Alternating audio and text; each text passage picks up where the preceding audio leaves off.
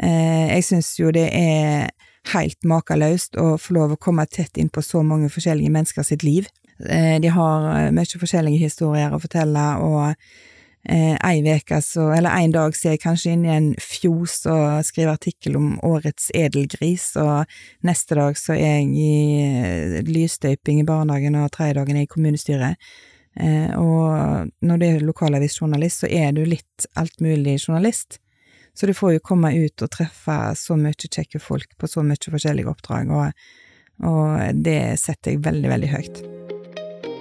Da lytter du til Sunnhordlandpodden, en podkast med fokus på å framsnakke og heie på folk som brenner for noe her i Sunnhordland. Du som lytter, vil bli bedre kjent med de som står på som gründere i næringsliv, idrett og kulturliv. Målet mitt er at podkasten skal bidra til en framsnakkingskultur, bulyst og økt kjennskap til alt det spennende som skjer i Sunnhordland. Vil du vite mer om podkasten og hvordan du eventuelt kan bli en samarbeidspartner?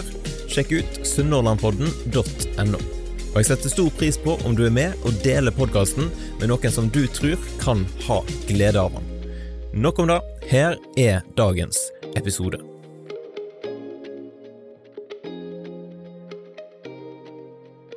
Det er kjekt å lage podkast, og i dag så har jeg fått besøk av ei som akkurat i dag starter opp en ny podkast. Hvor det skjer, og hvorfor, det skal du få høre mer om i denne episoden. her. Velkommen til Sunnmørpodden, Grete Hopland Ravn. Tusen hjertelig takk. I dag den 5. oktober så lanserer du rett og slett en ny podkast. Du må fortelle litt om eh, det prosjektet. Eh, Granna de lanserer jo Grannapodden fra i dag av, og eh, vi gleder oss jo. Det er nytt for oss, og vi har ikke gjort det på dette viset her før, så eh, det blir veldig spennende. Det er nok en, eh, liten konsekvens av at vi tar litt og gir litt. Så ifra i dag av så har ikke vi lenger mandagsavis i Grannar, nå er det kun torsdagsaviser. Så da byr vi de noe ekstra og gir litt podkast istedenfor. Det blir rett og slett spennende å se hvordan det går, og vi skal høre litt mer om det etter hvert, men det er kjekt å bli litt bedre kjent med deg, så hvis du skal fortelle litt om hvem er du, og hva brenner du for? Jeg er 38, nei, 48 år. Eh, jeg er oppvokst i Etne. Mor til tre ungdommer, gift med en danske. Eh, og interessant nok, jeg er veldig nynorsk-tilhenger, og er gift med en danske som ikke forstår det. Så vi har eh, diskusjoner rundt middagsbordet der. Hvordan har du klart å importere en danske til Etne? Det var egentlig foreldrene som importerte han, for når de flytta til Bergen for noen år siden. Så han ble litt ufrivillig nordmann i, i barndommen, og eh, er norsk skråstrek dansk, må jeg påstå. Ellers så brenner jeg jo for jobben min, jeg er jo veldig heldig. Jeg har jobba i snart 13 år som journalist på fulltid, og kunne ikke tenkt meg å gjort noe annet. Det er utelukkende kjekt å jobbe som journalist i, i lokalsamfunnet. Og så er jeg et engasjert eh, fagforeningsmenneske.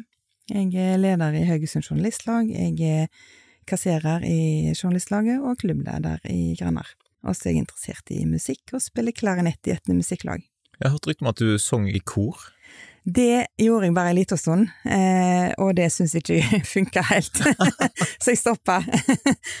men egentlig, eller jeg har sunget i kor, i hele min barndom og ungdom, og så var det et eller annet som skjedde i, med stemma mi, faktisk. Jeg mista stemma i, i 2008, og, eh, og, gikk til undersøkelser øst og vest, for jeg fikk henne ikke igjen.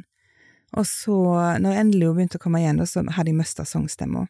Så det året jeg gikk i skakkekoret, eh, det var vel kanskje i 2010 eller noe sånt, eh, det var et sånn tappert forsøk på å trene meg opp igjen, men det det funka ikke. Jeg syns ikke jeg klarte det bra, så det blei med det. Så da blir det klarinett, var det det du sa? Klarinett. Ja. Hvordan føler du det? er det populært blant naboene, liksom? Nei, vet du hva, det er kjempeupopulært, fordi at eh, Ja ja, nå tenker du kanskje i forhold til øving. Eh, jeg er ikke så flink til å øve hjemme, men jeg gikk jo i skolekorps i mange år i min ungdom, og da spilte jeg trommer. Og jeg har alltid savna å gå i korps, men jeg følte jeg var ferdig med trommer når jeg gikk ut av, ut av videregående. Så de har mast litt på meg å begynne igjen, men jeg har vært veldig bestemt på at det blir ikke trommer, så da måtte jeg finne på noe nytt. Og så var det da i 2019 at eh, Gunnlaug Pedersen, som har vært med 50 år i musikklaget og spiller klarinett, sa at nå er det krise, for de rekrutterer jo ikke lenger i treblåserrekka, for skolekorps er brassband. Eh, så da ville hun at jeg skulle skrive en artikkel om at de trengte nye. Og da ble jeg så inspirert av min egen artikkel at jeg eh, meldte meg sjøl etterpå. så da tok jeg privatundervisning eh, ut 2019, og så begynte jeg i musikklaget i januar 2020. Så jeg har ikke spilt så lenge, nei. Nei, men så bra. Mm. Det var rett og slett klarinettkrise, og du kom og løste det. Du kan si det sånn. Fantastisk. Var det, ble det det som var overskrifter i lokalavisa? Det er alltid så gøy med sånne bokstaver. Nei, jeg var fint ferdig, jeg hadde publisert og alt, så jeg tror ikke det var noen rolleblanding i den artikkelen. Du sa at du var oppvekst i Etne. Har du noen sånn høydepunkt ifra oppveksten? ja, det må jeg jo si jeg har. Eh, Jeg bodde jo i et byggefelt der mindre enn halvparten av ungene gikk i barnehage. Og bak oss så var en stor, fin bondegård, og det var tilfeldigvis min morfars eh, gård. Så i min oppvekst så var jeg trygg mer oppe hos mormor og morfar enn hjemme. Jeg hadde jo hjemmeværende mor, arbeidende far, sant, sånn som de hadde på 70- og 80-tallet. Og min barndom består i masse unger ute i gata som hadde kjempegodt samhold, og vi lekte opp i fjosen og gikk ut og inn hos mormor, og jeg tror alle ungene kalte min mormor for mormor. Eh, dørene var åpne, og vi lekte ku og kalv og sto på bås og ja. Nei, det var en eh, fin oppvekst. Høres jo veldig sånn eh, norsk Nesten litt sånn bonderomantisk ut. Ja, og det som jeg syns er veldig kjekt, er jo det at det forholdet med naboungene fikk da, vi har jo fremdeles god kontakt i dag. Om ikke på nødvendigvis dags- og ukebasis, så, så treffes vi som gamle venner, selv om noen er flytta til Tønsberg og noen er flytta andre plasser. Så eh, det er jo et uh, veldig godt grunnlag å få leke mye i lag når du er liten. Høres lurt ut. Hva vil du si er det beste med å bo i Etne i dag? jeg syns jo lokalsamfunn generelt er jo at uh, alle kjenner alle, og det er jo på godt og vondt, men samtidig så tror jeg jo at vi har en egen evne til å passe litt på hverandre og ta oss av hverandre, og eh, hvis noen opplever sorg eller krise, så har du et lokalsamfunn som står rundt deg med en gang. Eh, nå har ikke jeg opplevd det, men jeg har vært eh, vitne til at andre har opplevd det. Så det må jo være det beste med, med lokalsamfunnet, da, om ikke etnisk spesifikt, men eh, generelt. Jeg trodde en stund du skulle si lokalavisa. Ja, det kan du si. men det, det som er best med lokal, å være journalist i lokalavis, er jo akkurat dette med å komme ut i samfunnet. Eh, jeg syns jo det er helt makeløst å få lov å komme tett inn på så mange forskjellige mennesker sitt liv.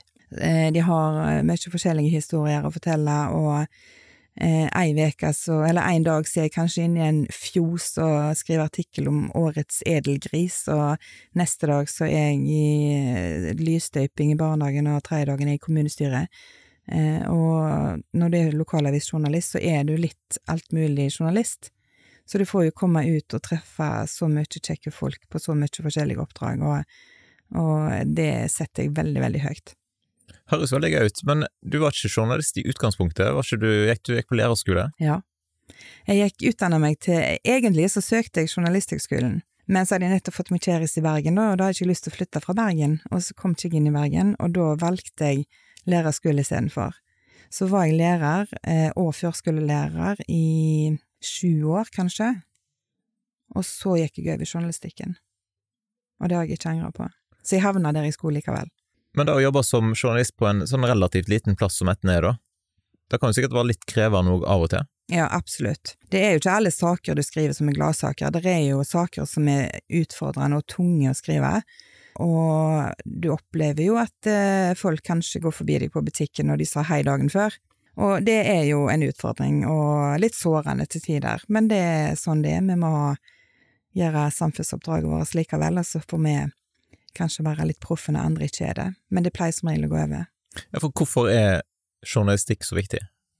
Det er for oss å eh, speile samfunnet, tenker jeg. Eh, de kaller det lim og lupe, eh, og jeg tenker jo det at kanskje lupen er minst like viktig som limet. Og når det kommer til for eksempel politikerne, da, som skal styre det samfunnet vi bor i, så hvem andre skulle passe på det om ikke lokalavisjournalistene skulle gjøre det? Jeg tror ikke VG hadde brukt spalteplass på Etne kommune hvis ikke det var noe helt spesielt. Og vi har jo mange eksempel på at eh, eh, lokalavisa vekker leserne i forhold til saker som skaper kommunestyret, og som i utgangspunktet tok én vei, så ender opp til å ta en annen vei. Så det er veldig, veldig viktig å ha lokalavisjournalistikken i, i samfunnet. Men hvordan blir denne nye podkasten nå? Blir det eh, sånn kritisk journalistikk der, eller hvordan, hvordan blir konseptet? Det blir vel mer eh, menneskemøte, tenker jeg. Invitere mennesker inn som, har, eh, som kanskje er kjent for de som bor i vårt lokalmiljø, og høre om de har en spesiell historie å fortelle, eller om de har noe spennende som, som leserne, eller lytterne, da, etter hvert eh, vil, ha, vil synes det er interessant og ha glede i. Du har snart 13 eh, år bak deg som lokaljournalist. Er det noen saker du har publisert som har gjort ekstra inntrykk på deg? I løpet av 13 år så er det jo mange saker som har eh, påvirka meg mye, egentlig, men den saken som har påvirka meg mest, tenker jeg, det var den saken som ble publisert eh, 7. september. Og grunnen til at jeg husker akkurat den datoen, er at eh, det var en sak som handla om verdensdagen for selvmordsforebygging. Og da skrev jeg en sak om Ragnhild som 7. september 2022 tok livet sitt for akkurat tre år siden den dagen. Eh, da var det foreldrene til Ragnhild som fortalte denne historien i Granner, og jeg brukte sju sider i avisa på det, og opplevde en massiv respons på den. Det var en sterk sak, og det var jo mye fordi at foreldrene hadde vært så åpne. De brukte ord og setninger som greip tak i hjerterot på deg, og eh, responsen ifra folk, det var eh, snott og tårer til frokost, var det noen som skrev. Tusen takk for dere løfter frem en så viktig sak, det er så viktig å snakke om dette her. Det handler om åpenhet. Eh, så, så, det er jo absolutt en sak som har eh, grepet meg mye. Eh, når det gjelder andre saker, så er det jo for eksempel den saken flere år tilbake som handler om fire polakker som mista livet i båtulykka. Det var drukningsulykker, sannsynligvis, og én ble funnet drukna, og de tre andre ble aldri funnet. Og samme sommer, da, så fikk familiene til disse polske unge mennene komme til Norge og besøke Norge og se hvor guttene deres forsvant. Og når det var femårsdag for denne ulykka, det var i 2017, så sa redaktøren til meg at eh, han vil sende meg til Polen for å møte en av familiene for å høre hvordan det har vært med å ikke ha ei gravegåte. Så da blei jo den saken veldig nær likevel, for eh, jeg hadde ikke så mye med den saken å gjøre når de var i Norge, men når du fikk komme ned til Polen og snakke med familien som sitter igjen, og fremdeles håpe at han egentlig lever, du fikk være med dem i kirka på gudstjeneste, og du fikk høre historien, og du fikk se hvordan det fremdeles preger deres liv, det var veldig spesielt. Hvor kan eh, folk lese disse sakene, sånn som den du nevnte nå? Da må du ha et eh, abonnement på Grannar? Det må du faktisk. Ja. Eh, så det ligger i e-arkivet, da. E-avis. Og når det gjelder den Polen-saken, for eksempel, så tok jeg jo Du har hatt gjest her før som heter Gregor. Lego Gregor. Og han var med meg til Polen. Jeg sa det at uh, hvis jeg skal reise til Polen, så er det under kriteriet av at jeg får med meg en som jeg kjenner. Så han var min sjåfør, og han var min tolk. Eh, og i etterkant da så tok han og kona hans og omsatte hele artikkelen til polsk, så vi publiserte den både på norsk og polsk, faktisk.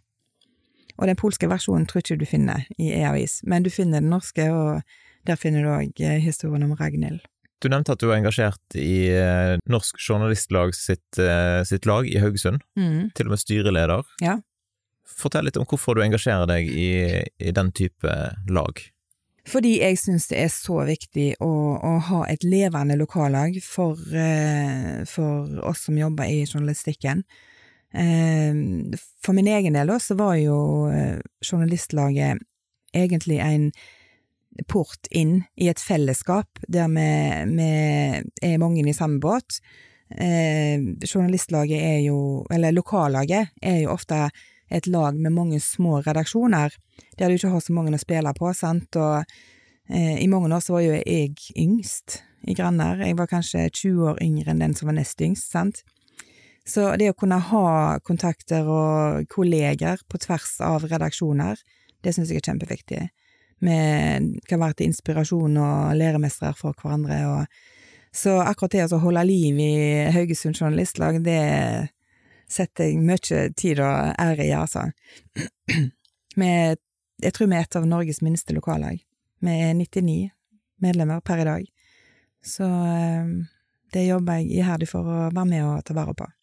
Litt noe annet igjen, da, men jeg har hørt eh, at du har eh, hatt en viktig rolle i å arrangere journalistkonferansen Høststormen. Mm. Men at du etter en del måneder og, uker med forbereding, så, eh, så fikk du ikke ta turen på konferansen sjøl. Har du hørt det? Ja, ja. Hva skjedde? Jeg, eh, jeg var med i styret i Høststormen, eh, og gleder meg kjempemasse til å være med, for dette skulle være første Høststormen etter pandemien. Eh, og vi var klar til å eh, arrangere. Eh, det var ei helg igjen, og så var det helga etterpå vi skulle være med i Høststormen, da. Og den siste helga der skulle jeg bare på en klassefest, 30-årsjubileum i ungdomsskolen. Og da eh, danset jeg sving med en god klassekamerat, og så glapp taket, og så smelte jeg hånda inn i ei dørkarm, og så brakk jeg armen. Såpass. Og det var et litt komplisert brudd, så jeg, eh, jeg var helt desperat. Jeg tenkte jeg skal opp uansett, og jeg hadde jo mitt ansvar i styret, det var jo hotellansvaret, så jeg hadde jo tett dialog med hun som var resepsjonssjef. Så jeg klarte jo ikke noe sjøl, verken kle av meg eller på meg eller lage hestehale eller noen ting, så jeg klarte å få, få, en ordning med at mamma og pappa kunne være med. De skulle få bo gratis, og skulle det hjelpe meg med praktiske gjøremål. Men det sa de nei til, så jeg måtte bare melde pass og fikk ikke være med. Sånn Dessverre. Teller det som en idrettsskade? Eh, kanskje. men jeg fikk være med året etterpå. Ja. Så det var kjekt. For eh, vanligvis er jo høststormen annethvert år, men av pandemien så ble det to år på rad. Så da fikk jeg jo med meg året etterpå. Ja. Hva er Høststormen for noe? Altså hvordan er en sånn konferanse? Høststormen er en journalistkonferanse for journalister fra Stavanger opp til Sunnmøre. Og vi samler rundt 300 journalister annethvert år. Og det er eh, mye forskjellige seminar, parallelle seminar. Du kan velge og vrake litt i hva tema som angår deg, eller som du interesserer deg for. Og så er det jo da eh, store fellesarrangement, eh, foredrag, og så er det jo da middag og fest på kvelden.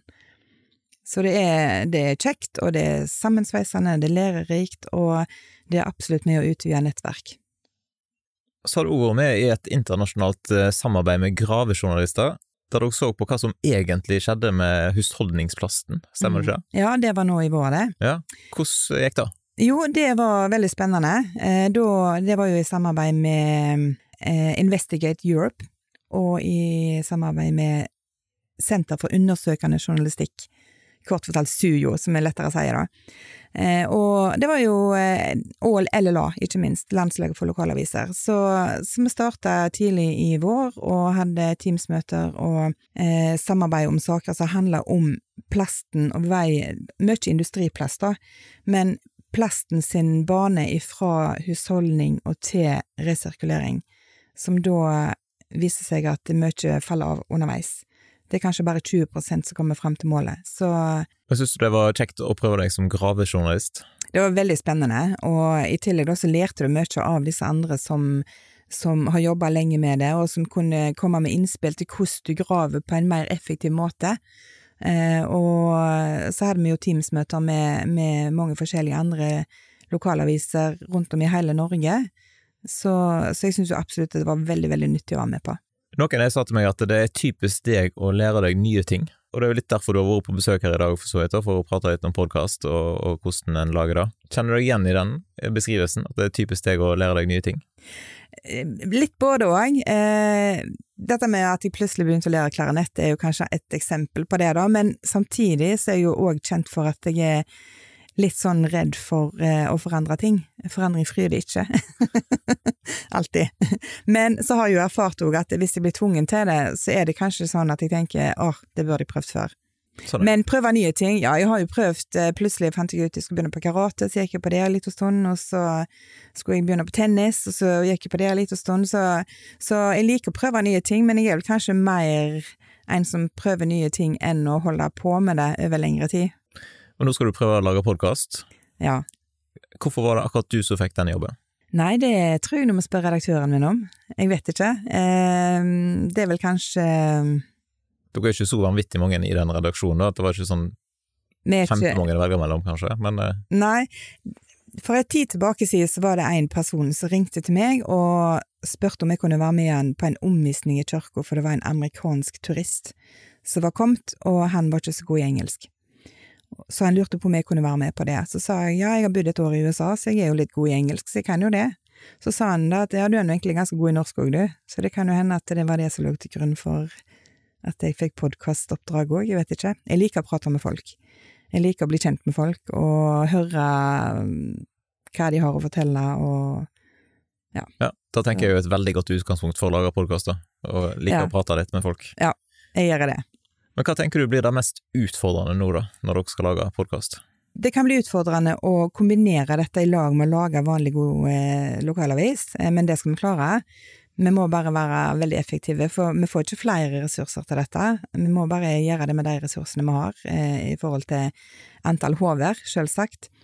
Men så kan det òg bli utfordrende, tenker jeg, å finne ut hvem skal vi ha på besøk, hva historie har de å fortelle, hva gode spørsmål kan vi stille til dem, eh, for dette her er jo en annen type intervjuteknikk enn det vi vanligvis har holdt på med.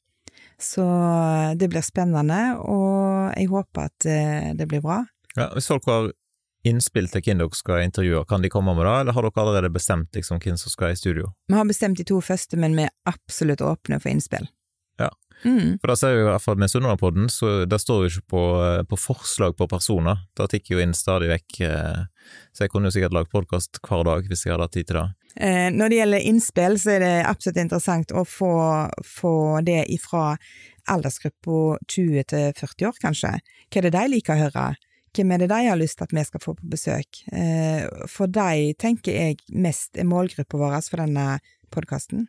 Si litt om hva dere ønsker å oppnå. Eh, vi ønsker å oppnå større lesermasse blant den aldersgruppa. For vår gjennomsnittsleser, det er ja, 50 pluss, kanskje 55 pluss og kanskje enda mer. Og nå når vi går ifra to til ei avis, så har vi jo fått respons fra den eldste lesergruppa vår at de ikke syns dette er greit. Det er ikke alle som er på digitale plattformer, det er mange som liker best å ha papiravisa til frokost, åpne denne morgenen med en kopp kaffe, og jeg kan godt forstå det, men tidene endrer seg, og det er jo en grunn for at vi gjør dette, det handler om økonomi, og det handler om distribusjon av avisa. Og jeg, det er ikke framtid akkurat nå, sånn så, så det utvikler seg. Og jeg tror egentlig at eh, om vi hadde valgt å ha to aviser i uka, så hadde vi mista mandagen allikevel. Og da spiller det igjen på eh, annonsørene våre, som ikke vil annonsere tirsdag for det blir for seint, for eksempel. Så det er jo sånn, det er mange aspekter med, med den avgjørelsen om å gå ned ei avis, men eh, da må vi prøve å holde på de leserne vi har, og kanskje få enda flere i den yngre aldersgruppa, hvis det blir sånn at vi mister de eldre. Men hvordan er befolknings, altså demografien i Etne, sånn i 20-40-åra? Kommer folk flyttende til Etne, eller flytter folk vekk? Jeg har ikke tall på det. Men, men mitt inntrykk i, i Etne er jo det at flere kommer hjem igjen, eh, som som har bodd i Etne når de var ungdommer, og enten kommer de hjem igjen fordi begge er fra distriktet, eller så har de kanskje tatt med seg en person som i utgangspunktet ikke var fra distriktet. Eh, og så etableres de der, da. Så, men befolkningsveksten er vel ganske stabil. Noen kommer, og noen går. Hva vil du si er det viktigste du har lært i dag, da, har vi sittet her og prata litt om, eh, om podkast og hva som er lurt å gjøre og ikke? Nei, Det viktigste jeg har lært i dag, det er jo for eksempel det som du sier med god research av de du skal intervjue, og ha god tid. Og eh, ikke minst det å kanskje lytte litt til seg sjøl, hvordan det høres ut på lyd, før du faktisk er på lufta, for vi har jo alle litt uvaner her og der og, som kan være gode å ta tak i, så det er i hvert fall gode råd jeg skal ta med meg. Hei, Kjetil her. Bare en kjapp liten melding til deg som lytter. I dag så har jeg ikke fått en sponsor til episoden, så da blir det litt egenreklame her. Hvis du sjekker ut lekenelett.nett eller min Instagram-profil, kan du se noen av de tjenestene som jeg tilbyr til personer og bedrifter som jeg hjelper på nett. Skulle du ha bruk for en video, noen bilder, en ny nettside, eller kanskje du vil lage en egen podkastepisode, da er det bare å ta kontakt, så kan vi se hva som er mulig å få til. Og du, siden du lytter til Sunnmørpodden, det hadde vært superstas om du tipsa en som du kjenner, om podkasten. For litt siden så fikk jeg en melding fra ei som hadde fått en godt voksen slektning til å lytte til podkast for første gang i sitt liv, og som syntes at episoden hun lytta til, var veldig bra. Jeg tror at det er mange der ute som hadde hatt glede av Sunnmørpodden, de har bare ikke oppdaga den ennå. Så hvis du vil støtte podden, er det beste du kan gjøre å dele den med noen som du tror kan ha glede av den. Nok om det, tilbake til dagens episode.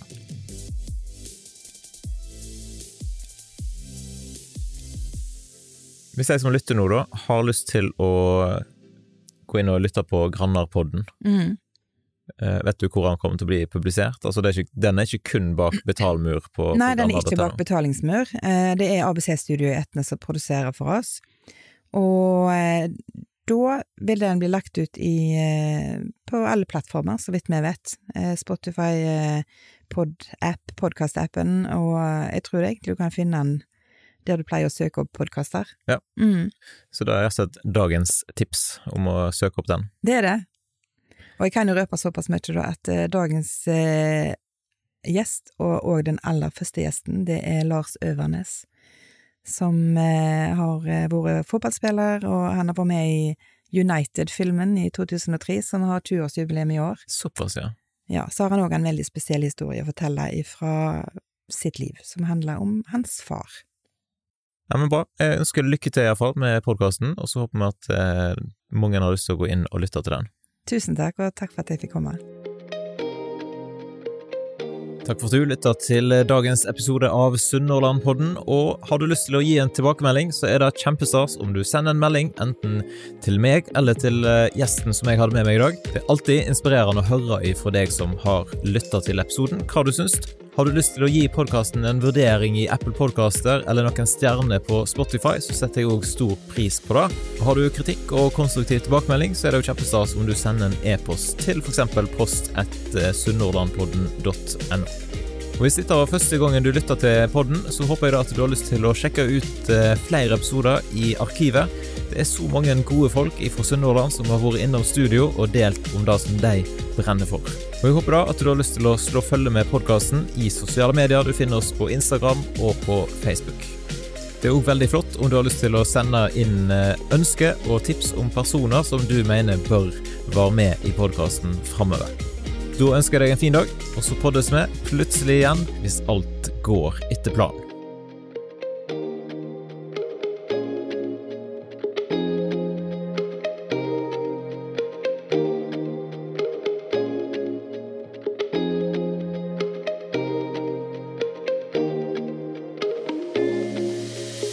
Podkasten er produsert av Kjetil Fyllingen.